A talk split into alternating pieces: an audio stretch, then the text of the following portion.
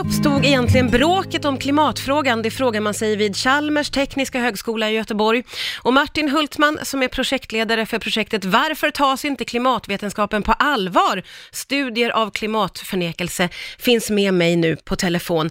Martin, om jag förstår det här rätt så för 30 år sedan, då tog man klimatfrågan på allvar och man var helt överens om att det var ett problem. Eh, visst stämmer det? Så är det.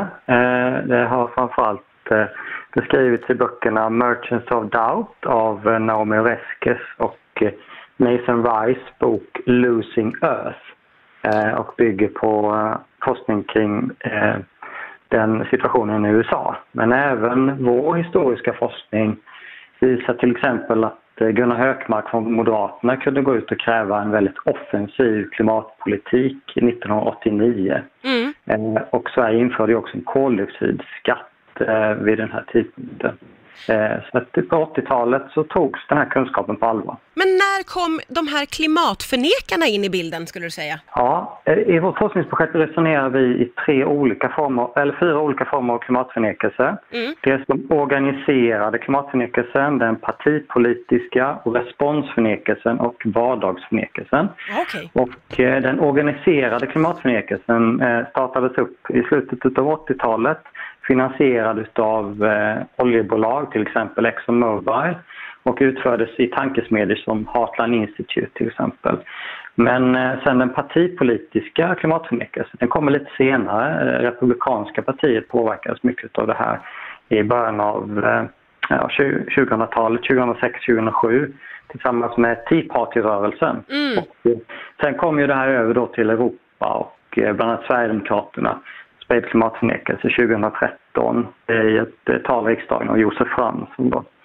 Eh, men sen så, det här med responsförnekelse är ju ja. någonting som eh, faktiskt politiker lite till mans och kvinns håller på med. Alltså, det här handlar om att liksom ta den här klimatvetenskapliga kunskapen på allvar men att responsen blir helt Eh, åt ett annat håll.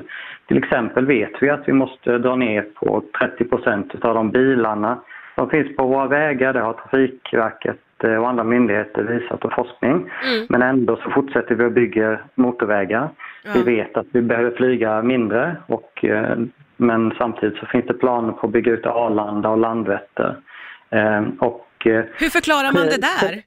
Och Prims raffinaderi i Lysekil är också ett exempel på eh, om det skulle få godkänt att det är responsförnekelse. Ja. Eh, ja, det handlar ju om att liksom vi sitter ju fast eh, i en, ett industrimodernt samhälle som vi försöker att grönmåla lite. Men mm. det här samhället som vi har bygger på fossil industri. Vi skeppar prylar och grejer runt hela jordklotet. Vi kör våra bilar på det här ja. och liknande.